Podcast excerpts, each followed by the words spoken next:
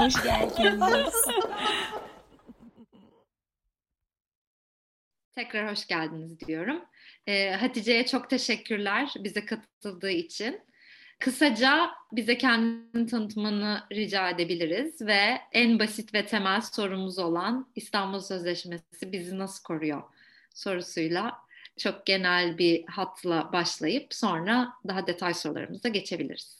Ben teşekkür ederim öncelikle beni davet ettiğiniz için ve dinlemeye gelen arkadaşlara da çok teşekkür ederim. Ee, ben Hatice, Spod LGBT Derneği'nin hukuki danışmanıyım, derneğin avukatıyım. Uzun yıllardır LGBT harekette e, açık kimliğimle hak savunuculuğu yapıyorum. E, aynı zamanda Onur Haftası Komitesi'nin ve Pozitifiz Derneği'nin gönüllü avukatlığını yapıyorum. Bir de feminist harekette e, şiddet mağduru kadınlarla çalışıyorum. Kalan vaktimde çok fazla kalmıyor ama e, mümkün olduğunca orayla da dayanışmayı koparmamaya çalışıyorum. Benden bu kadar. Sorularla devam edelim isterseniz. Ee, böyle bizim e, Boysa'nın evi ekibinde e, biraz aramızda konuştuğumuz sorularla başlayalım. E, işte bunlardan birincisi e, aslında bizi nasıl koruyor İstanbul Sözleşmesi? Ve cinsiyetten bağımsız olarak, e, cinsiyet hanesinde ne yazdığından bağımsız olarak bizi koruyor mu? E, bunu bununla başlarsak sonra diğer sorulara doğru ilerleriz diye düşündüm. Tamamdır. Ee, şöyle başlayalım. İstanbul Sözleşmesi aslında diğer bütün uluslararası sözleşmelere ve uluslararası ayrımcılık karşılığı içeren bütün sözleşmelere oranla e, LGBTİ artılar üzerinden en çok tartışılan sözleşme hepimizin bildiği gibi. E, niye bu kadar e, gümbürtü kopuyor? Çünkü toplumsal cinsiyet kavramını ilk defa kullanan ve kullanmakla da yetinmeyip ilk defa tanımlayan sözleşme İstanbul Sözleşmesi. Ee, buradan hareketle sözleşmenin tanımı yani tanımladığı e, kavramdan hareketle ve kavramın için nasıl doldurduğundan hareketle e, evet sözleşme LGBT artıları koruyor diyebiliriz. Çünkü esasında sözleşme toplumsal cinsiyete dayalı şiddete karşı e, devletlere bir takım yükümlülükler yüklüyor ve e, toplumsal cinsiyete dayalı şiddetin mağduru olan, e, bu şiddetten hayatta kalan herkesi koruma kapsamını alıyor. Sözleşmede toplumsal cinsiyetin tanımı da yapılıyor. Nasıl tanımlıyor diye bakalım hep beraber. Ee, üçüncü maddenin C fıkrasında toplumsal cinsiyet şöyle tanımlanıyor. Diyor ki herhangi bir toplumun kadınlar ve erkekler için uygun olduğunu düşündüğü sosyal anlamda oluşturulmuş roller, davranışlar, faaliyetler ve özellikler. Şimdi biz hepimiz biliyoruz ki toplumsal cinsiyet tanımı bu şekilde yapıldığında elbette en çok e, etkilenen kesim LGBT artılar oluyor. Kadınlar ve erkekler için uygun ol, olduğu düşünülen e, rollere uymayan en geniş kesim LGBT artılar oluyor. Dolayısıyla sözleşme lafzı gereği yani lafzı derken bunu birkaç kere kullanacağım en başta açıklayayım. Okuduğumuzda anlaşılan ilk anlamı gereği dahi aslında e, LGBT artıları koruyor. Peki nasıl koruyor LGBT artıları? Ee, devletlere kişileri toplumsal cinsiyete dayalı şiddetten korumak ve bu şiddeti önlemek için e, birçok yükümlülük yükleyerek koruyor. Mesela dördüncü madde ki en çok tartışılan e, ve cinsel yönelim cinsiyet kimliği kavramlarının geçtiği madde, e, devletlere herkesin özellikle de kadınların gerek kamu gerekse özel alanda şiddete maruz kalmaksızın yaşama hakkını yaygınlaştırmak ve korumak için gerekli olan yasal ve diğer tedbirleri almalarını söylüyor. Bunun yanında diyor ki toplumsal cinsiyete dayalı herhangi bir şiddet eyleminde etkin soruşturma ve kovuşturma yürütmek zorundasın sen. Taraf bir devletsen bu sözleşmeye diyor. Toplumsal cinsiyet konusunda hassasiyet gereken gerektiren politikalar üretmek zorundasın diyor. Sözleşmenin kapsadığı her türlü şiddet eylemini fiziksel, cinsel, psikolojik ve ekonomik bu şiddet eylem e, türlerinin tamamını önlemek ve bunlarla mücadele için uygun finansal kaynakları ayırmak zorundasın ve insan kaynağı yaratmak ve bu alanlarda çalışmak üzere insan insan tahsis etmek zorundasın diyor. Yine e, bu alanda çalışan toplumsal cinsiyete dayalı şiddetle ilgili çalışan sivil toplum kuruluşlarının çalışmalarını her düzeyde takdir ve teşvik edecek ve destekleyecek ve bu kuruluşlarla etkili bir işbirliği içerisinde faaliyetlerini yürüteceksin diyor. E, tabii ki bizim memlekette bunun olmadığı gibi sivil alanın gitgide daraltıldığını ve e, bütün STK'ların yani başta LGBTİ dernekleri olmak üzere bütün STK'ların e, sürekli denetimlerle yıpratılmaya çalışıldığını da biliyoruz. E, bunun yanında doğru düzgün veri toplayacaksın diyor toplumsal cinsiyete dayalı şiddetle ilgili. En önemli maddelerinden ve en çok tartışılan maddelerinden biri tüm eğitim seviyelerinde resmi müfredata kadın erkek eşitliği, toplumsal klişelerden arındırılmış toplumsal cinsiyet rolleri, karşılıklı saygı, kişisel ilişkilerde çatışmaların şiddete başvurmadan çözüme kavuşturulması, kadınlara karşı toplumsal cinsiyete dayalı şiddet ve kişilik bütünlüğüne saygı gibi konuların öğrencilerin zaman içinde değişen öğrenme kapasitelerine uyarlanmış bir biçimde dahil edilmesi için gerekli tedbirleri alacaksın diyor. Ee, oku, bu kısmı direkt sözleşmenin kendisinden okudum. Hepimiz biliyoruz toplumsal klişelerden arındırılmış toplumsal cinsiyet rolleri ne dayalı e, bir müfredatın yaratılması demek ve bunun bütün eğitim kademelerindeki bütün öğrencilerin anlayabileceği bir dille yazılması demek e, aslında doğrudan hepimizi koruyor. E, yani aslında bütün bu konuştuklarımız kadınları olduğu gibi LGBT artıları da patriarkal şiddetten korumak için yapılması gereken, devlet tarafından e, alınması gereken önlemlerin ve e, sonrasında yapılması gereken faaliyetlerin çok büyük bir kısmını kapsıyor. Hı hı. E, pratikte nasıl koruyor ya biraz daha ilerideki sorularda daha ayrıntılı gireriz diye düşünüyorum ama en genel ifadeleriyle dahi sözleşme evet LGBTİ artıları e, kapsıyor ve e, al, al, alınmasını zorunlu kıldığı önlemlerle LGBTİ artıları da koruyor evet. Ee, yani aslında yasal cinsiyet ibaremize bağlı olmadan hepimizi koruyor olması toplumsal cinsiyet rollerine, pratiklerine odaklanmasından kaynaklanıyor anladığım kadarıyla. Ee, sadece o değil, en sık sorulan sorulardan biri LGBTİ artının bütün artlarını koruyor mu? Ve artı e, ifadesinde koruyor mu? Mesela eşcinsel erkekleri de koruyor mu bu sözleşme?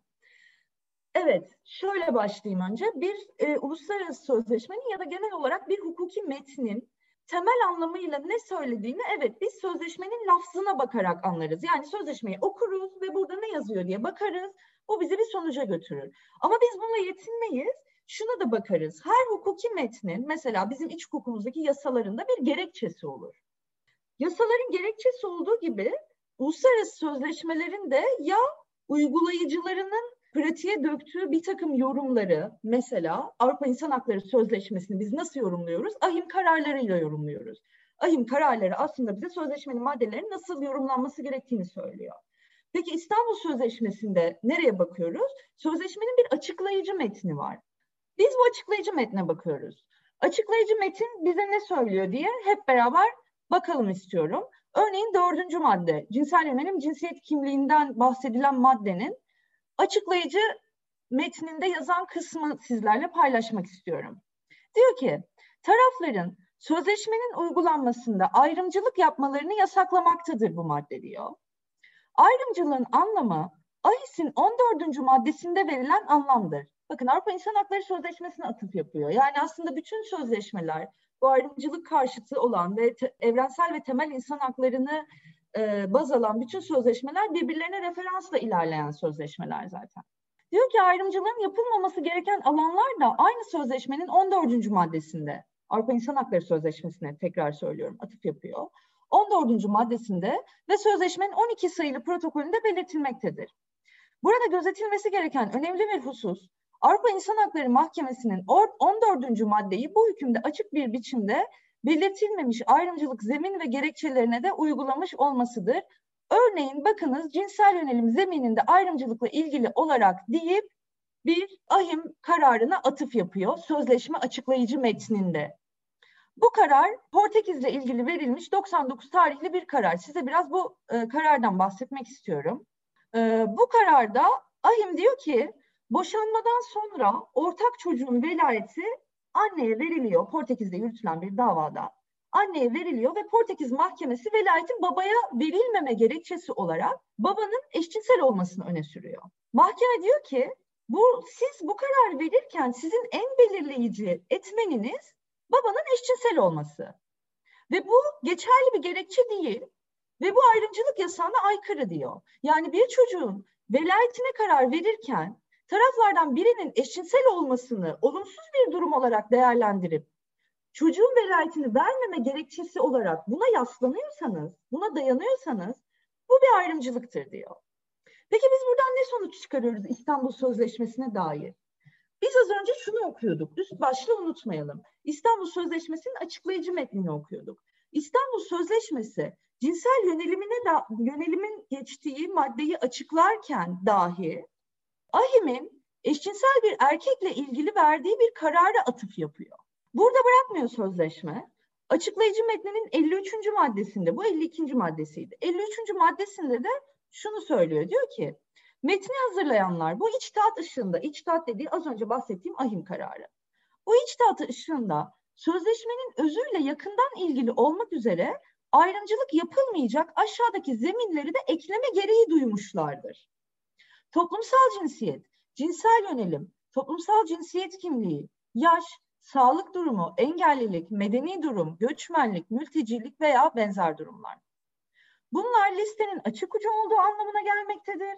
Kadınlara karşı ev içi şiddet mağdurlarının yardım arayışları ve Avrupa'da bu alanda verilen hizmetlerle ilgili olarak yapılan araştırmalar, belirli mağdur gruplarına yönelik ayrımcılığın yaygın bir olgu olduğunu göstermektedir. Kadınlar toplumsal cinsiyet temelli bir şiddet durumunu bildirdiklerinde gerek infaz gerekse yargı görevlileri tarafından hala ayrımcılığa maruz bırakılmaktadır. Benzer bir biçimde ev içi şiddetin gay, lezbiyen ve biseksüel mağdurları da cinsel yönelimleri nedeniyle çoğu kez destek hizmetlerinden yoksun bırakılmaktadır. Kimi gruplarda toplumsal cinsiyet kimlikleri nedeniyle ayrımcılığa maruz kalabilmektedir. Toplumsal cinsiyet kimliğinden kastedilen bu kişilerin kendilerini tanımladıkları toplumsal cinsiyetin doğuştaki cinsiyetleriyle örtüşmeme durumudur. Örneğin transseksüeller ya da başka cinsiyetin giysilerini giyenler, travestiler ve toplumun erkek ve kadın olarak belirlediği kategorilere denk düşmeyen kişiler bu kapsamda yer almaktadır. Ayrıca göçmen ve sığınmacı kadınlarda ikamet durumları nedeniyle destek hizmetleri kapsamında dışında kapsamı dışında bırakılabilmektedirler. İşaret edilmesi gereken önemli nokta kadınların kimi durumlarda çok ayrımcılığa da maruz kalabilmeleridir. Örnek olarak engelli, etnik azınlıklara mensup, roman ya da HIV, HIV slash AIDS'li yaşayan kadınlarda verilebilir. Toplumsal cinsiyet temelli şiddet mağduru kadınlar arasında da bu özellik nedeniyle ek ayrımcılıklar yaşanılabilmektedir diyor. Yani aslında sözleşme açıklayıcı metninde açıkça tüm LGBTİ artıları, eşcinsel erkekler de dahil olmak üzere tüm LGBTİ artıları ve kendilerini kadın ya da erkek olarak tanımlamayan kişileri de e, sözleşmenin koruması kapsamına dahil ettiğini açıklayıcı metninde söylüyor. Dolayısıyla evet yani bütün LGBTİ artıları kapsıyor. Yine bir, bir minik ekleme daha yapacağım. Ee, sözleşmenin açıklayıcı metnine bakarken bir maddedeki daha metne bakalım istiyorum. Ee, sözleşmenin 12. maddesi var. Önce 12. madde ne diyor ona biraz bakalım. 12. madde genel yükümlülükler başlıklı bir madde İstanbul Sözleşmesi'ne. Bu madde diyor ki taraflar kadınların daha aşağı düzeyde olduğu düşüncesine veya kadınların ve erkeklerin toplumsal olarak klişeleşmiş rollerine dayalı ön yargıların, törelerin, geleneklerin ve diğer uygulamaların kökünün kazınması amacıyla kadınların ve erkeklerin sosyal ve kültürel davranış kalıplarının değiştirilmesine yardımcı olacak tedbirleri alırlar. Taraflar herhangi bir gerçek veya hükmü şahsiyetin bu sözleşme kapsamında kalan her türlü şiddet eylemini önleyecek tedbirleri alırlar.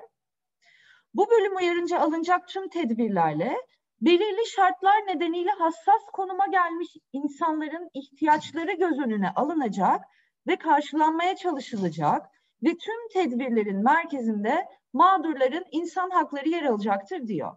Bakın sözleşmenin 12. 12. maddesinde hassas konuma gelmiş insanlar diye bir e, tanımlama kullanılıyor. Ve devamında sözleşmenin açıklayıcı metnine bakalım. Bu hassas konuma gelmiş insanlar derken aslında neyi kastediyor sözleşme? Diyor ki maddenin dördüncü maddede belirtilen ayrımcılık yasağına ek olarak bu maddede alınan önlemlerin güç durumdaki kişilerin ihtiyaçlarının özel olarak gözetilmesini sağlamak üzere pozitif girişimlerde bulunulması öngörülmektedir. Çünkü failler durumları nedeniyle kendilerini yeterince savunamayacaklarını, kovuşturma ve tazminat talebinde bulunamayacaklarını bildikleri bu kişileri özel olarak hedef olarak seçmektedirler. Bu sözleşmenin amacı açısından belirli nedenler dolayısıyla güç durumda duruma gelen kişiler arasında şunlar da yer almaktadır. Hamile kadınlar, küçük çocuğu olanlar, zihinsel ve bilişsel sorunları olanlar dahil engelliler, kırsal kesimde ve ücra yerlerde yaşayanlar, madde bağımlıları, fuhuş yapanlar, ulusal veya etnik azınlık mensupları, belgeleri olmayanlar ve sığınmacılar dahil olmak üzere göçmenler, gayler, lezbiyenler, biseksüeller, transseksüeller, travestiler, HIV'le yaşayanlar, evsizler, çocuklar ve yaşlılar. Gördüğümüz gibi madde genel yükümlülüklerini açıklarken bir takım hassas gruplardan bahsediyor. Bunların hassas grup olarak neden bunları imliyor? Çünkü diyor ki bu gruplar kendilerine dönük bir şiddetle karşılaştıklarında genelde yasal yollara başvurmaktan imtina ediyorlar. Korkuyorlar ve çekiniyorlar. Ve failler bunu biliyor. Ve biz sözleşmeyi hazırlayanlar olarak bunu farkındayız. O yüzden bu grupları hassas gruplar olarak nitelendiriyoruz. Ve alın size açıklayıcı metinde hassas grupların kimler olduğunu da açıklıyoruz diyor ve tek tek sayıyor aslında. Ve bütün LGBT artıları da gördüğümüz gibi dahil ediyor bu hassas grupların içine. Dolayısıyla hala e, ben de sosyal medyada görüyorum. Hala LGBT artıların tamamı dahil mi acaba gibi sorular oluyor. E, ve her yerde bunu vurgulamaya çalışıyorum. Evet, LGBT artıların tamamı dahil. Birazdan ayrıntısına gireceğiz. Bizim iç hukukumuzda İstanbul Sözleşmesi'nin uygulama kanunu sayılabilecek 6284 sayılı kanun da bütün LGBT artıların tamamını koruyor. Yani bu konuda hiç kimsenin kafasında bir tereddüt kalmasın istiyorum. Hepimiz İstanbul Sözleşmesi'ni savunurken evet bu sözleşme hepimizi koruyor ve hepimizin sözleşmesi deyip canı gönülden savunabilelim istiyorum. Tamam. Çok teşekkürler. Ee, ben o zaman biraz şeye döneyim şimdi. Ee, tekrar az önce senin bahsettiğin detaylara girmeden biraz hani böyle yukarı çıkalım.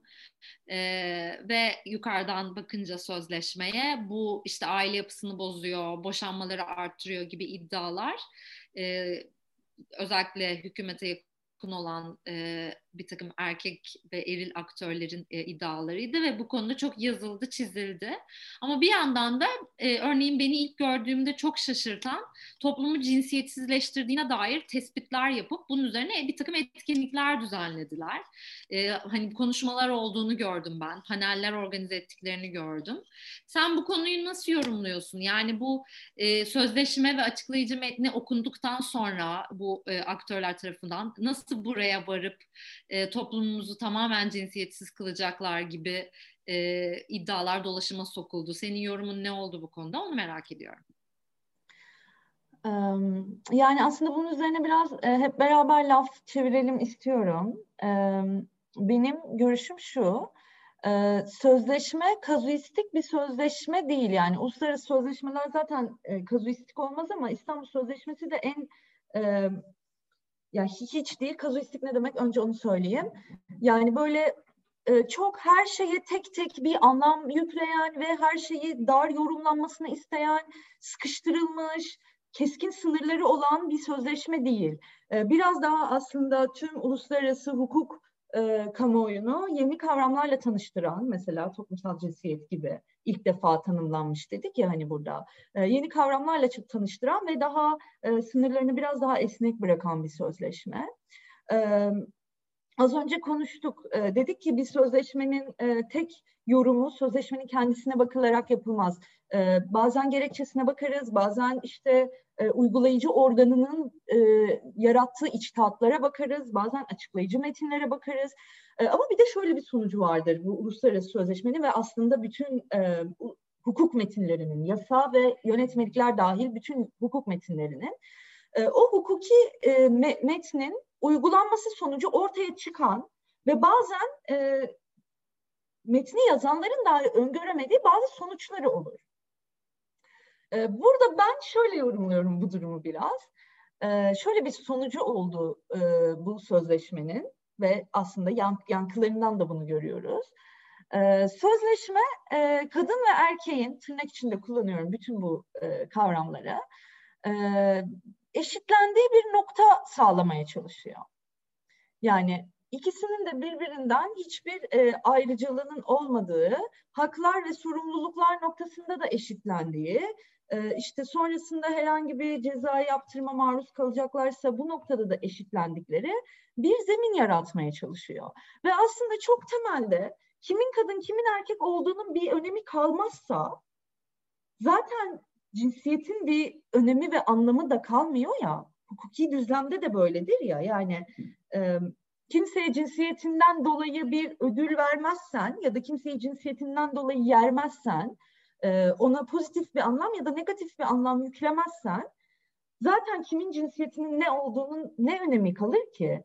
E, dolayısıyla toplum cinsiyetsizleşir. Evet yani böyle dolaylı bir sonucu e, bence de oluyor. Yani mesela eğitim müfredatına dair bir şey söylüyor sözleşme. Yani sen eğitim müfredatına kadın yemek yapar, erkek o sırada evde televizyon seyreder diye saçma sapan şeyler yazmazsan, tabii ki bizimkiler hala yazıyorlar, bu ayrı bir mesele. Ama bunları yazmazsan ve atıyorum yemeği herkesin yaptığını yazarsan, herkesin yapabileceğini, o sofrayı herkesin kurabileceğini yazarsan, o evde kimin kadın, kimin erkek olduğunun ne ne anlamı kalır ve ne önemi kalır ki daha daha da önemlisi bence. Ee, yani sözleşmenin ruhunda bu var mı derseniz yani sözleşmeyi hazırlayanlar oturup düşünürken hmm, bunun böyle bir sonucu olsun demişler midir derseniz yani neredeyse işte 10 e, yıl önceden bahsediyoruz. Bilmiyorum bu kadarını öngörmemişlerdir bana sorarsanız şahsi fikrim. E, ben e, o dönem şeydim yani üniversiteye yeni başlamıştım neredeyse bu sözleşmenin ilk yazılma e, aşamalarının olduğu dönemde ve o, o tartışmalara çok hakim değilim. E, ama çok zannetmiyorum açıkçası. E, fakat nihayetinde böyle bir sonucu oluyor mu bu meselenin? Yani e, elbette ki oluyor böyle bir sonucu. Çünkü gerçekten e, varmak istediği yer e, herkesi ve hepimizi başka bir meselede eşitleyen bir yer. Cinsiyetlerin bir öneminin kalmadığı bir noktada eşitleyen bir yer. Ama derseniz ki sözleşmenin metninden e, doğrudan böyle bir anlam çıkıyor mu? Yani çıkmıyor. Ama tabii bunu söyleyen insanlar da şunu demiyorlar zaten. Sözleşmeyi okuyunca biz bunu anlıyoruz demiyorlar. Onlar da farkındalar neyin ne olduğunu. Yani onlar sözleşmenin e, gerçek anlamda uygulanmasının, taraf devletlerce gerçekten e, bütün şeyleri, sorumluluklarını yerine getirerek uygulanmasının sonucunda e, bu işin böyle bir noktaya varacağını e, elbette ki öngörüyorlar ve en çok onlar ayrıcalıklarını kaybedecekleri için bu vardığımız noktada elbette ki en çok onların sesi çıkıyor. E, benim kanaatim bu yönde. Yani siz biraz ama ben de gerçekten laf çevirelim isterim. Yani şu kesin ama sözleşmenin metninde öyle bir şey yazmıyor tabii ki.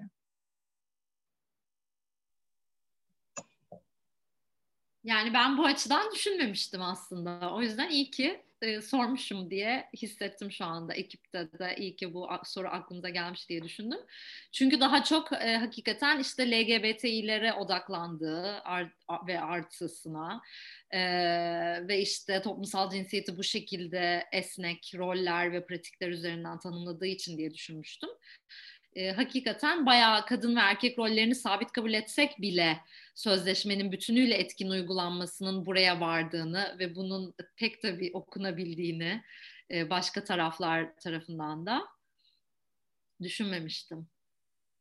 Ayda yazmış okuyorum. Sözleşmenin tartışmaya açıldığı sırada hayır LGBT artıları değil yalnızca kadını koruyor gibi argümanlar üretildi sözleşme savunusunda LGBT artıyı dışarıda bırakan söylemler için ne düşünüyorsunuz yazmış. Ee, yani şöyle olabildiğince kibar ifade etmeye çalışacağım burada düşüncelerimi. Ee, pek hoş şeyler düşünmüyorum. Ee, çünkü do- doğru değil. Yani biraz şöyle hissediyorum. Bunu e, daha önce e, zannediyorum Boğaziçi'ndeki bir etkinlikti. E, orada e, başka feminist avukatlar da vardı e, ve orada konuşmuştuk bu konuyu. Ve aslında ben içinde yer aldığım feminist gruplarla da mesela eşik eşiğin içindeyim. Yani içindeyim derken işte o WhatsApp grubu ve mail grupları vesaire. E, eşiğin yaptığı bir onun ismini bilmiyorum böyle görsel sosyal medyada paylaşmalık bir görsel vardı. E, ve orada işte sözleşme eşru, e, eşcinselliği meşrulaştırıyor mu diye biri soru soruyor. Bu arada şöyle görseller, bir sürü görsel var. E, işte biri soru soruyor, karşı taraftan ona cevap veriyor. E, orada da cevap şu, hayır, hayır meşrulaştırmıyor. Böyle bunu yazıp salmışlar dünyaya. E, ve yani tabii ki orada şöyle bir tartışma döndü. Yani velev ki meşrulaştırıyor. Ki bence meşrulaştırıyor bu arada. E, yani bu, bunu nasıl bu şekilde söylüyorsunuz falan gibi. Yani bazen şöyle hissediyorum. E, biz bir yol yürüyoruz hep beraber patriarkaya karşı. E, bu e, yani biz hep beraber bir yol yürüyoruz. LGBT artı hareket ve feminist hareket e, olarak. E, toplumsal cinsiyete dayalı e, şiddetin e, sonlanması, patriarkal şiddet vesaire vesaireye karşı. Ve sanki karşı taraftan bir e, bir şey geliyor. Yani bu bu yolu yürürken siz LGBT artıların da elini tutmaya devam ederseniz, biz o yolu el ele yürüyoruz çünkü aslında. LGBT artıların da elini tutmaya devam ederseniz bütün bu sözleşmeyi sizin elinizden alacağız. Çünkü biliyorsunuz aslında iktidar kliğinden gelen en kuvvetli e, şey de buydu. Sözleşmenin bug'ı olarak gösterilen en kuvvetli e, husus da sözleşmenin LGBT artıları da korumasıydı. Ve buna karşılık birileri çıkıp hakikaten dedi ki yo bir dakika sakin olun LGBT artıları korumuyor ki sadece kadınları koruyor. Neden büyüttünüz ki bu kadar? Ya gerçekten böyle oldu ve e, bizler bir grup olarak şöyle kaldık. Bir, bir dakika ya nasıl nasıl işler bu noktaya geldi? Bir dakika böyle demiyorduk ama falan diye kaldık. E, sonra tabii konuştuk hep beraber bunları. Konuşmaya da devam ediyoruz. Hala e, bazen böyle tepkiler veriliyor. Ama bir yandan da kim ne derse desin hakikat diye bir şey var. Yani gerçekten sözleşme var ortada. Gerçekten bir açıklayıcı metin var ortada ve gerçekten pratik var ortada. Ee, dolayısıyla yani ben ne düşünüyorum? Yani tabii ki üzülüyorum. Bu bu söylemler bir kere gerçeği yansıtmıyor çünkü bu yüzden üzülüyorum. Ee, ve biraz e, kolay vazgeçilmiş gibi hissediyordum ama sonra toparlandı sanırım. Alınan tepkilerden de sonra şu anda mesela bunu bu kadar açık söyleyen hiç kimse yok yani. Kadem bile e, saçma sapan şey diye açıklama yapmak zorunda kaldı. Yani biz LGBT'ler hariç hariç savunuyoruz falan diye. Hani çünkü mecbur kalıyorlar bir yerde bunu söylemeye. E, zaten meşru değil mi? E, şöyle ana akım mı? E, yani me- meşru derken e, aslında kelime anlamı itibariyle yasal olması. LGBT'ye artı olmak yasal mı? Yasal, suç değil. LGBT'ye artı olmak hastalık değil. E, bunlar artık çok geride kalan tartışmalar. Türkiye'de zaten hiçbir zaman suç olmadı. Ama kamuoyu nezdinde kabul edilebilirlik anlamını konuşuyorsak ve ana akım olma anlamını konuşuyorsak e, bence hala feminist hareket kadar meşru sayılmıyoruz bu ülkede. Yani bu, bu da bir gerçek. Yani genel e, toplum nezdinde ve aslında hepimizin mücadelesi biraz daha ana akımlaşmak ve e, meşruiyetimizi arttırmak. Bu, bu tabii ki taviz vererek değil. E, varoluşumuzla böyle kabul et, edeceksiniz. Etmek zorundasınız. Çünkü evrensel insan hakları bizim yanımızda. Siz ne söylerseniz söyleyin demek. Belki burada deniz meşruyu anla, aynı anlamda mı kullanmıyoruz diye bir düşündüm ama hani ben biraz daha ana akım olma anlamında kullanmıştım. Oğuzhan'ın bir sorusu var. Aslında konuşurken de bir e, soru ya da bir ek e, aklıma geldi. Bu cinsiyetsizleştirme yani argüman olarak işte ailemizi, ülkemizi, gençlerimizi cinsiyetsizleştirecekler vesaire gibi bir e, yerden e, çıkmıştı bu. Yani onların karşı da argüman olarak geliştirdikleri şey bunun üzerine bina edilmişti. Ama aslında orada da bir hani bir anda ikilem hissettim. Ya evet hani tamam hani böyle bir şey yok ama zaten bizim hareketimizin amaçlarından biri de o cinsiyet mefhumunu ortadan kaldırmak istediği için evet böyle bir amacımız var. Size bunu çok rahatlıkla söyleyebiliriz gibi bir şey de doğuyor ortalıkta. İkincisi bu e, süreç benim anladığım kadarıyla birkaç tane bir dernek aracılığıyla işte e, sunulan bir şey işte İstanbul Sözleşmesi nasıl gündeme geldi diye okuduğumuzda işte birkaç tane insanın işte ismini şu an zikretmeyelim o insanların e, işte bir şey rapor sunması üzerinden gerçekleşmişti. Benim sormak istediğim soru şu aslında. Bu İstanbul Sözleşmesi bir anda ortaya çıktı ve bir anda böyle bir tek e, böyle bir tek bir söz üzerinden yani daha önce e, gündemine girmiş miydi İstanbul Sözleşmesi bu manada e, iktidarın gündemine yoksa daha önce hani buradan mı başladı yoksa bunun bir geçmişi var mı İstanbul Sözleşmesi ile alakalı? Tabii yani İstanbul'un İstanbul Sözleşmesi sözleşmesi olması ve ilk imzalayan devletin e, bizim ülkemizin olması gibi bir şey de var. Sorun bu. Ee, yani bu kadar e, büyük bir tartışmayla girdiğini ben hiç hatırlamıyorum. Ama şöyle aslında bu tek başına bir e, gündem değil. E, biliyorsunuz bundan birkaç yıl önce bir boşanma komisyonu kurdular ve orada işte nafaka meselesini gündem ettiler. 6284 sayılı kanun kaldırılsın diye ellerinden geleni yaptılar. Bununla ilgili işte saçma sapan boş boşanmış babalar topluluğu falan gibi bir takım topluluklar kuruldu. Bunlar hala Facebook'ta varlar ve sürekli olarak e, nefret üretiyorlar e, kadınlara ve LGBT artılara karşı e, ve hala devam eden nafaka tartışmaları var. Nafaka kalksın. Yine bir dönem şey tartışmaları olmuştu. Çocuk istismarında yaş düşürülmesi tartışmaları. Yani aslında bunların hepsi bizi aynı yere götürüyor. Yani bu, bu, bu argümanlar sadece LGBT artılara yönelmiyor. Evet işte geçenlerde ki bu da yeni değil. Zina olarak nitelendirdi mesela e, evlenmeden e, birlikte yaşamayı e, Diyanet İşleri Başkanı biliyorsunuz içerisinde LGBT artılara ve e, HIV'le yaşayanlara da aynı şekilde nefret kusmuştu. E, yani şunu söylemeye çalışıyorum bu argümanlar aslında yeni ortaya çıkan argümanlar değil. 6284 üzerinden de daha önce yapmışlardı ki 6284 İstanbul Sözleşmesi'nin Türkiye'de uygulanabilmesi için ortaya çıkan bir kanun.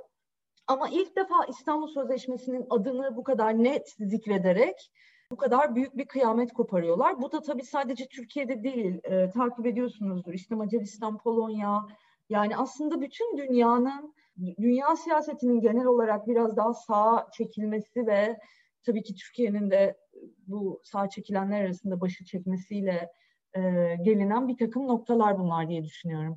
Daha fazla konuş kayıt alınıyor. Daha fazla bu konuda e, yorum yapmayacağım. Ama genel olarak herkes anladı beni diye düşünüyorum.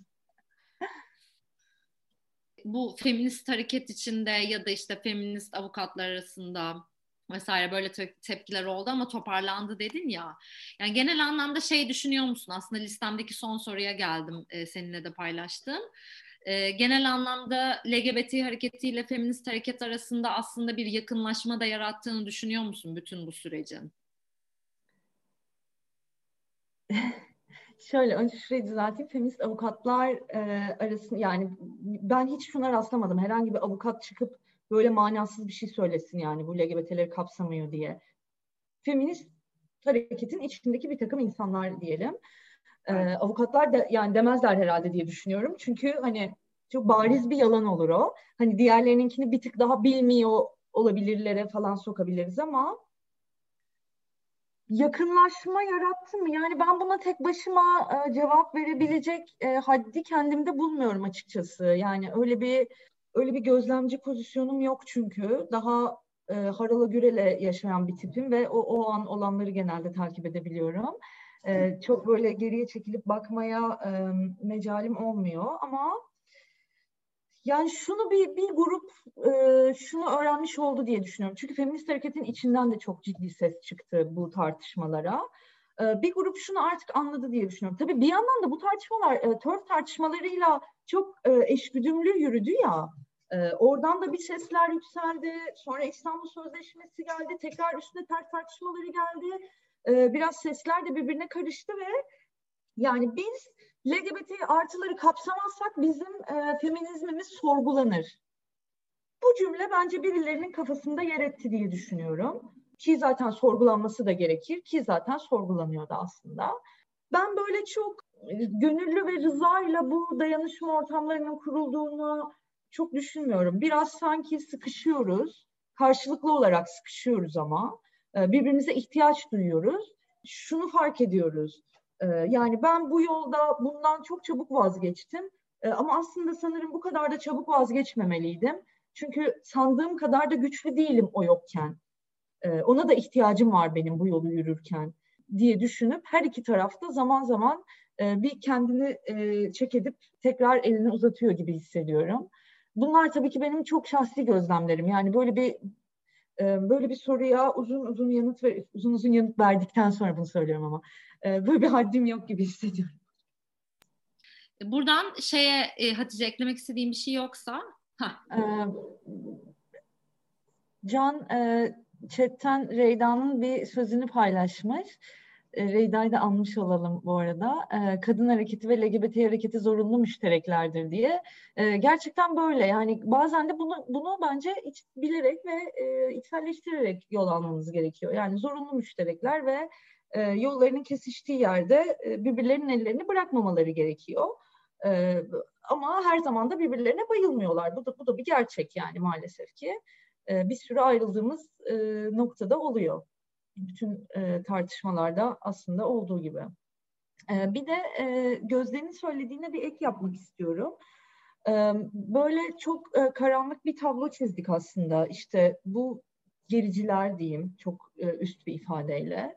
E, genel olarak işte e, çocuk istismarından tutalım da e, işte evlenmeden birlikte yani nikahsız birlikte yaşamaya kadar e, bir sürü şeye karşı çıkıyorlar ve yani insanlık tarihinin geldiği noktaya dair bir rahatsızlıkları var zaten.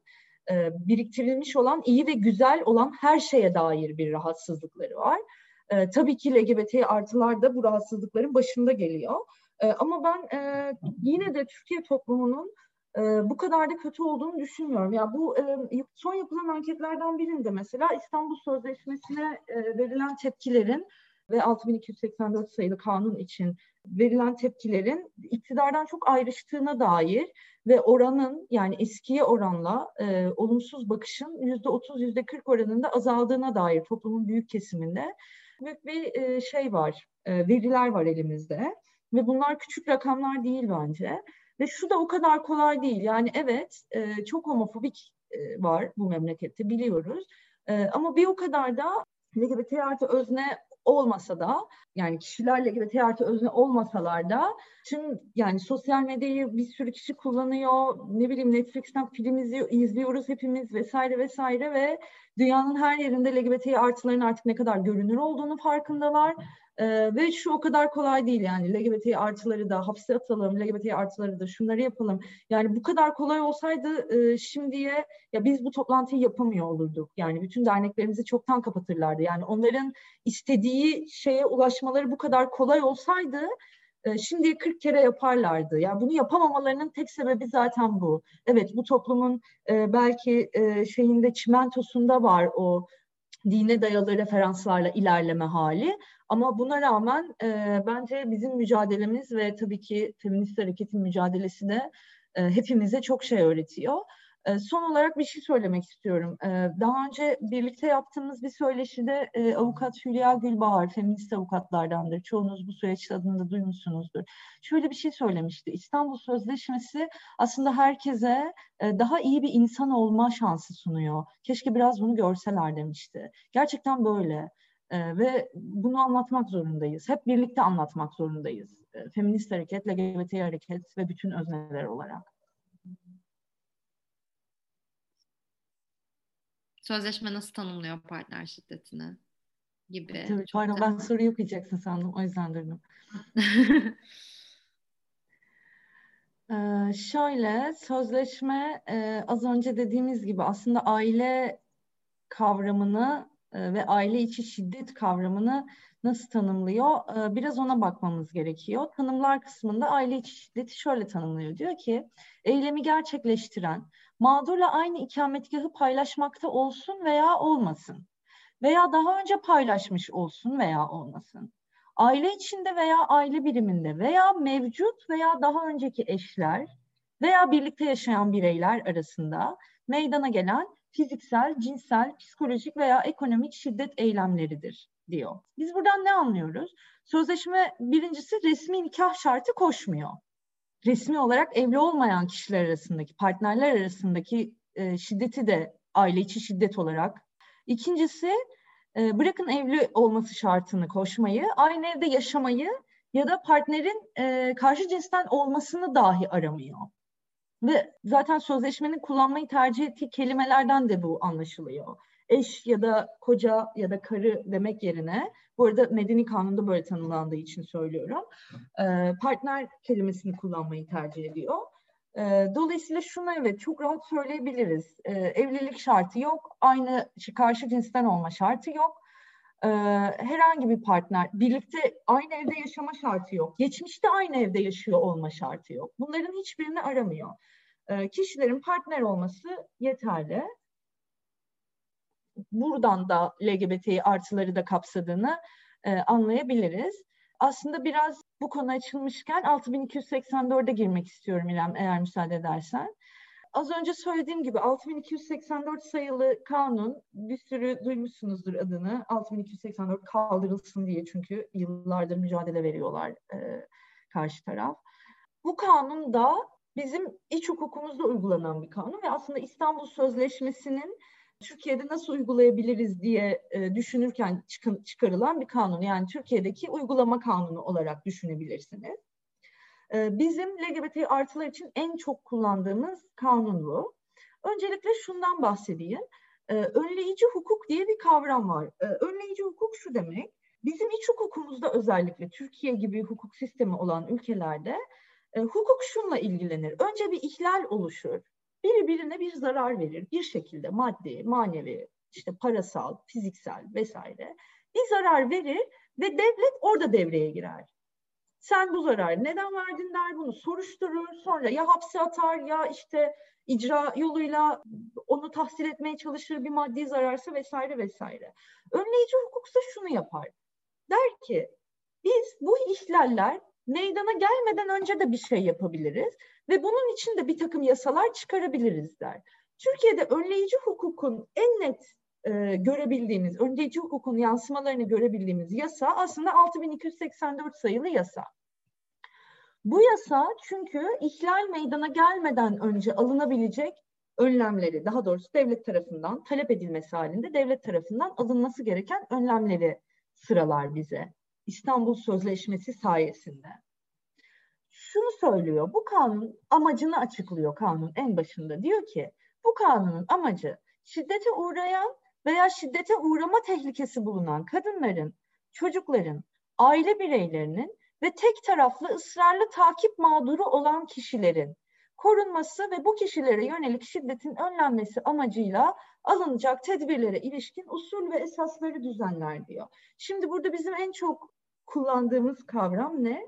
Tek taraflı ısrarlı takip mağduru. Bu ne demek? Biraz bunun üzerine konuşalım. Birçok hukuki açıklaması var ama en temelde şu demek. Fail, mağdur ya da hayatta kalan hangisini kullanmayı tercih ediyorsanız ben daha hukuki olduğu için şu an mağduru kullanacağım. Ee, mağdurun hayatında bir takım değişiklikler yapmasını zorunlu kılacak bir baskı mekanizması oluşturuyor. Onun kaygısını arttırıyor, onu ısrarla rahatsız ediyor, taciz ediyor. Fiziksel bir taciz olmasına gerek yok. Mesela ısrarla arıyor. Sürekli arayıp bir, bir şey yapıyor. Sürekli mesaj atıyor. Sürekli her kapısının önüne, ben her kapının önüne çıktığımda onun köşede beni beklediğini görüyorum. Bu ne demek? Ben tek taraflı ısrarlı takip mağduruyum demek. Tekrar ediyorum bu takip dijital yolla da olabilir. Sürekli onun hakkında tweet atıyor. Sürekli ona Instagram'dan mesaj yolluyor. Sürekli vuruyor. Bu da olabilir. Sürekli bedenine dokunuyor. Bu da olabilir. Bunların hepsini kapsıyor aslında. Tek taraflı, ısrarlı takip dediğimiz şey.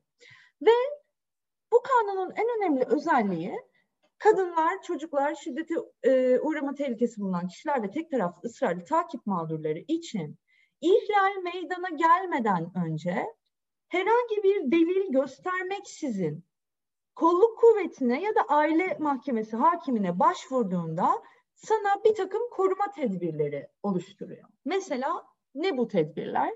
Birazcık bundan bahsedelim. Mesela uzaklaştırma kararları en sık bildiğimiz. İletişim kurulmasını engelleme kararları. Hakkında konuşmama yasağı. Evine, iş yerine, konutuna, aile, diğer aile bireylerine, o kişinin yakınlarına yaklaşmama kararları. Biz aslında e, şeyden çok iyi biliyoruz bunu. Bu Gülben Ergen, e, Seren Serengil tartışmasından. E, orada çıkarılan bu konuşmama, hakkında konuşmama kararıydı. Ve bu kanuna dayalı olarak biz hiçbir delil göstermeden sadece beyanımızla yerine göre e, kolluk kuvvetlerine yani emniyete gidip başvurarak yerine göre de yani istediğimiz tedbirin türüne göre de aile mahkemesine başvurarak diyoruz ki mesela ben diyorum ki İrem sürekli beni telefonla arıyor. Arama dökümü koyması, koymama gerek yok hekimle. Diyorum ki sürekli beni telefonla arıyor. Sürekli arıyor ve bana hakaret ediyor telefonda. Bunu ısrarla yapıyor. Bir türlü durmuyor. İrem hakkında bir karar çıkar. Ne kararı çıkar? İrem benim evime yaklaşamasın. İrem benim iş yerime, okuluma yaklaşamasın.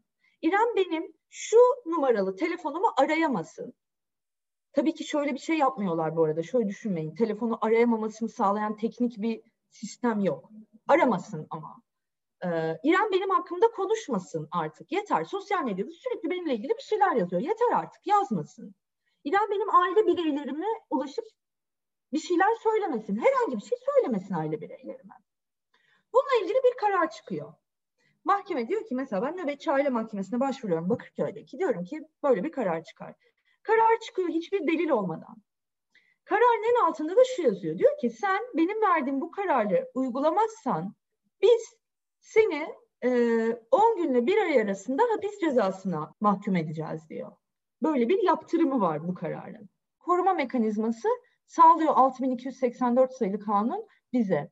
Ve bu 6284'e tek taraflı ısrar takip mağdurlarının girmesinin sebebi de zaten aslında İstanbul Sözleşmesi'nin sadece kadınları korumadığının ve herkesi koruduğunun, başta hassas gruplar diye tabir ettiği gruplar olmak üzere herkesi koruduğunun bir göstergesi aslında. Şimdi gelelim LGBT artılara. En sık sorulan soru, iki eşcinsel erkek, sevgililer, aynı evde yaşamıyorlar. Üç aylık bile değil ilişkileri. Bir günlük, iki günlük sevgililer biri diğerine fiziksel şiddet uyguladı ya da biri diğerini bir şeyle te- tehdit ediyor. Mesela çok sık rastlıyoruz. E, iş iş yerini öğrendi ve bir şey istiyor karşılığında, para istiyor ya da ayrılma benden diyor mesela. E, yoksa seni e, işte iş arkadaşlarına söyleyeceğim.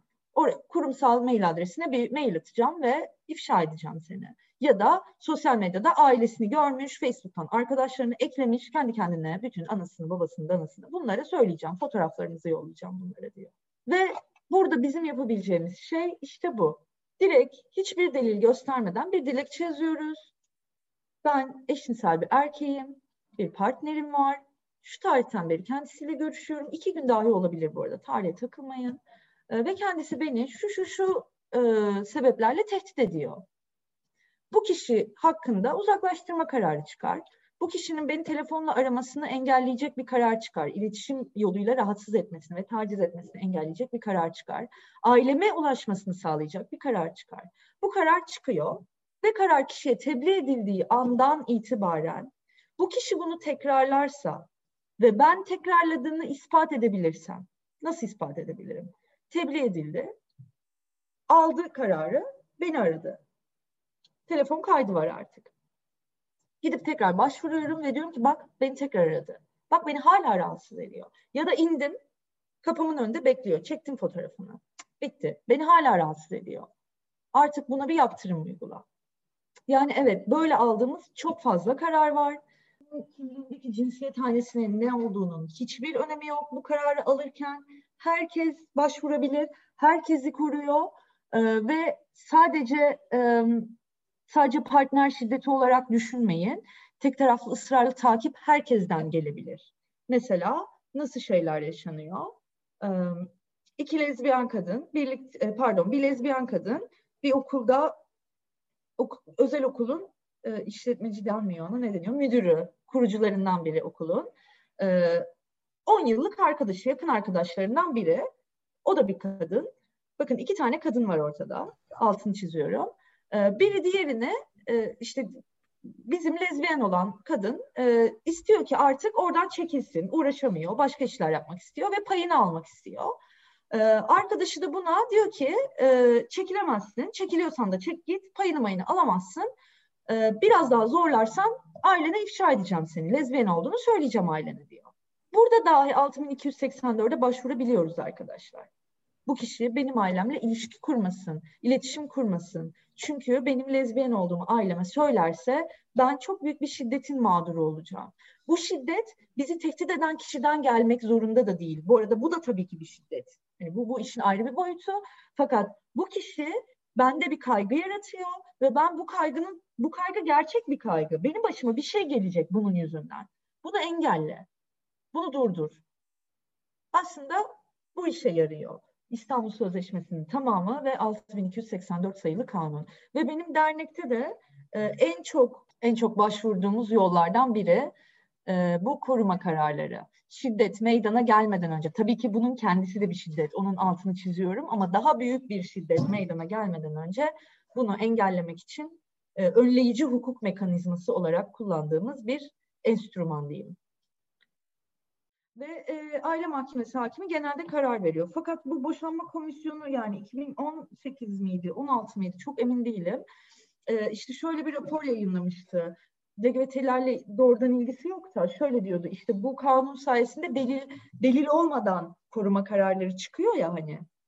Bu yüzden e, işte kocalar e, dışarıda yatmak zorunda kalıyorlar. Mesela şöyle bir iddiası var boşanma komisyonunun. Diyorlar ki e, çiftler kavga ediyor, ortada şiddet millet yok, kadın adama gıcık oluyor, gidiyor beni dövdü diye şikayet ediyor. Delil de olmadığı için, yani delil aranmadığı için hakim de adama evden uzaklaştırma kararı veriyor. Adam evde kalamıyor, sokakta kalıyor. Bu yüzden de bu kanun çok kötü. Çok samimi söylüyorum. Böyle bir e, özet şeyi olan bir raporları vardı ve aslında bunun üstüne esas 6284 ile ilgili tartışmalar başladı. Onun üzerine normalde bu arada bu uzaklaştırma kararları 6 aya kadar verilebiliyor. Ee, onun üzerine hakimlerin çok büyük bir çoğunluğu önlerine gelen 6284 dosyalarında önce minimum dan e, şey veriyorlar. Minimum 15 gün bu arada. Minimum 15 günlük uzaklaştırma ya da iletişim engellenmesi bilmem ne karar verilebilir. E, mesela önce 15 günlük veriyor.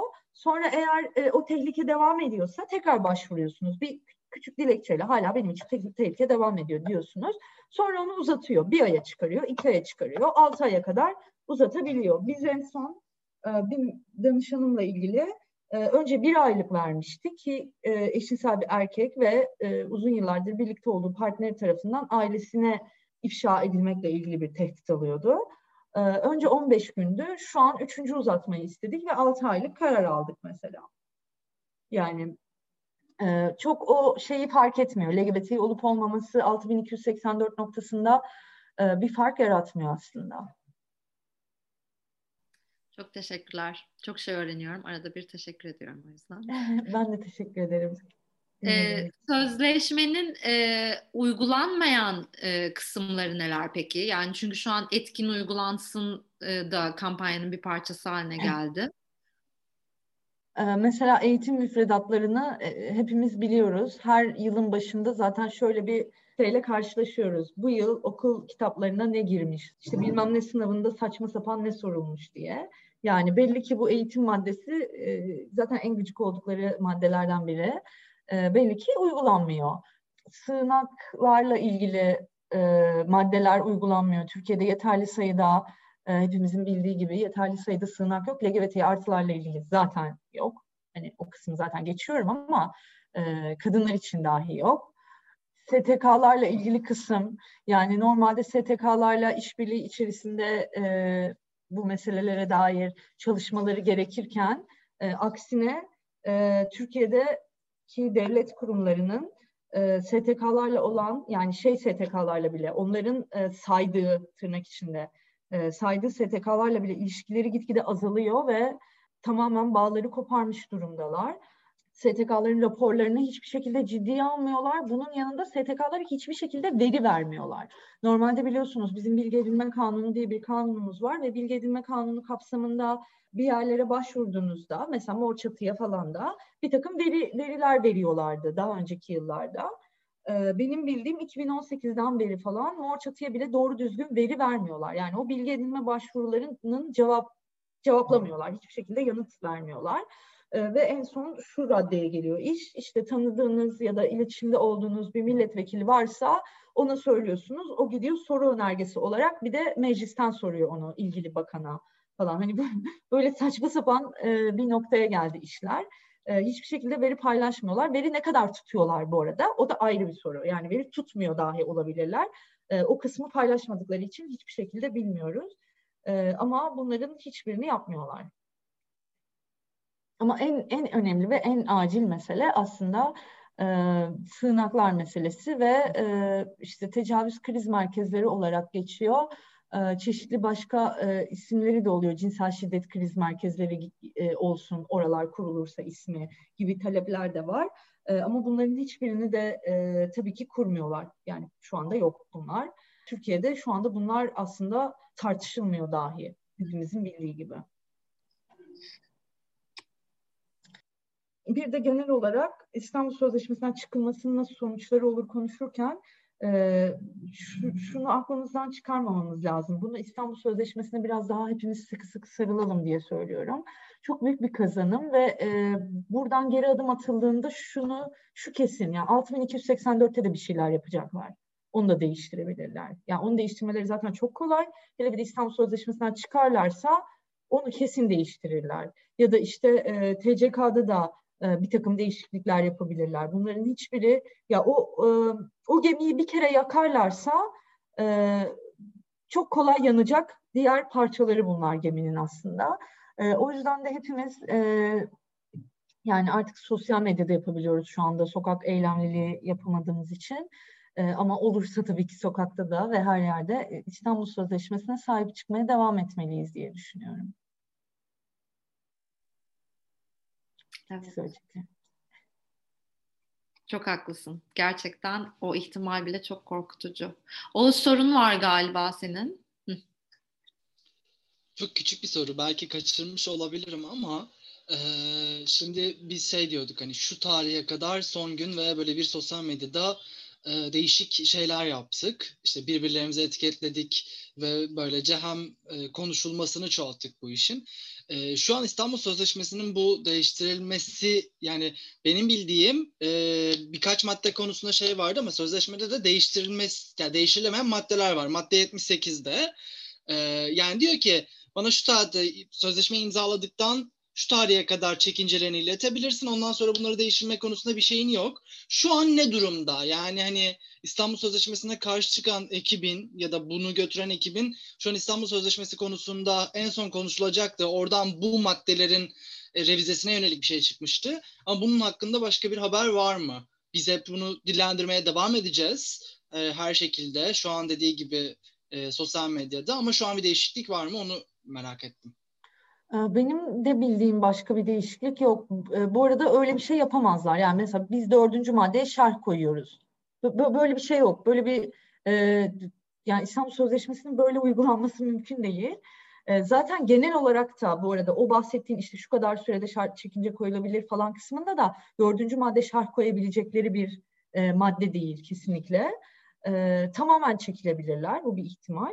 bir de şunu yani şu anda bir gelişme benim de bildiğim yok. Buna ayrıca söylüyorum söyleyeceğim şeyi. Ee, şunu unutmamak gerekiyor. Şimdi bunların genel olarak taktıkları ve şöyle kavramsallaştırdıkları bir şey var ya toplumsal cinsiyet ideolojisi. Yani bu, bu sürekli burayla oynuyorlar. Buraya dair bir şeyler yapıyorlar. İşte toplumsal cinsiyet adaleti mi demişlerdi en son? Cinsiyet adaleti mi? Öyle bir saçma sapan bir şey uydurmuşlardı. Yani bunu işte üniversitede e, toplumsal cinsiyette dayalı dersleri e, iptal ettirmeye kalktılar. Bir sürü üniversiteden hocalar e, bu sene size ders açmıyoruz diye engellendi. E, sonra İstanbul Sözleşmesi'ni gündem ettiler. E, bu arada e, geçen gün yani ben de e, bilmiyordum bunu. Geçen gün Boğaziçi'nin işte o Hülya ile katıldığımız etkinliğinde bir de Esra vardı. O anlattı. Bu kavram toplumsal cinsiyet ideolojisi olarak biz bizi bunu suçluyorlar tırnak içinde toplumsal cinsiyet ideolojistleri diye suçluyorlar. Bu sadece Türkiye'de kullanılan bir kavram değilmiş. Ee, diğer bu İstanbul Sözleşmesi'nin tartışmaya açıldığı bütün ülkelerde de Bulgaristan, işte Polonya, Macaristan gibi e, bu kavram kullanılıyormuş zaten. E, ve e, biraz daha büyük resimde aslında e, yapmaya çalıştıkları çok daha temel, çok daha başka bir e, şey var.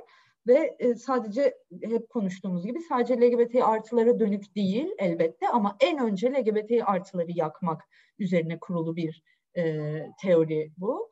E, o yüzden e, onu yapmaları mümkün değil yani sözleşmeyi şöyle değiştiriyoruz, şu maddeyi biz şöyle uygulayacağız falan demeleri mümkün değil. Ha şu bir gerçek ama derlerse bunu bir yaptırım organı olmadığı için kim onlara dur diyecek? Yani biz dördüncü maddeyi uygulamıyoruz güzel kardeşim. Türkiye'de uygulamıyoruz. Bütün hakimlere söylediler mesela uygulamayın. LGBT artılardan gelen uzaklaştırma kararlarını kabul, taleplerini kabul etmeyin dediler. Kim buna dur diyecek? En fazla Anayasa Mahkemesi'ne kadar gidersin. Anayasa Mahkemesi inceler ve der ki burada uluslararası sözleşmeye aykırı bir şey yapmışsın sen der hakime. O mahkemenin kararını bozar. Maksimum bu olur yani. Hani kimse böyle tutup siz ne yapıyorsunuz kardeş? Yani devletler arası ilişkiler öyle yürümediği için öyle bir şey olmaz. Ama şu anda bunu yapmaya henüz cüret edemiyorlar. Böyle bir şey sesli olarak da söyleyemiyorlar. Hayır biz uygulamıyoruz diye. E pratikte de uygulatıyoruz. Hala karar alabiliyoruz. Yani sadece İstanbul'da değil. E, yani ben dernekten Ağrı, Türkiye'nin bir sürü yerinden başvuru alıyoruz ve her yerde de başvuru yapıldığında olumlu sonuçlar çıkıyor. E, dolayısıyla şimdilik böyle yeni bir gündemleri yok ama tabii ki yarın yine e, bunu gündeme getirip yine bir takım tartışmalar başlatabilirler. O zaman Hatice eklemek istediğin başka bir şey yoksa seni çok yorduk. Çok teşekkür ederim dinlediğiniz için. Ee, çok konuştum ama en azından şurayı e, netleştirdiysek çok sevinirim, netleştirebildiysek. Bütün LGBT artıları kapsıyor, eşcinsel erkekler dahil, evet. Ee, bu konuda e, hiç kimsenin kafasında soru işareti kalsın istemiyorum. Çünkü bu soru işareti kaldıkça e, bizlerin de sözleşmeyi e, savunurken biraz çekinik davranabildiğimizi düşünüyorum. Lütfen net olalım. E, sözleşme açık, e, açıklayıcı metin açık, e, pratikte olanlar açık, bizi koruyor, e, bizim yoldaşlarımızı, bizim arkadaşlarımızı, bizatihi bizi koruyor bu sözleşme ve 6284 sayılı kanun. Benim söyleyeceklerim bu kadar. Çok teşekkür ederim. Umarım dilim ağır gelmemiştir kimseye. Yok ee, çok güzeldi ve sayende bir sürü hukuki terim de öğrendim ben şahsen. Detaylarını öğrendiğimiz gibi. Çok teşekkürler. Sizlere de kolay gelsin. Ee, bana da her zaman e, dernek üzerinden ulaşabilirsiniz. Biliyorsunuz zaten. Yine umuyorum beraber başka işlerde yapabiliriz hep beraber. Çok teşekkürler dinlediğiniz çok için arkadaşlar. Çok seviniriz. Katıldığınız için de çok ederiz. teşekkürler. İyi akşamlar. Görüşürüz. Hoşçakalın. İyi akşamlar herkese. İyi akşamlar. İyi akşamlar.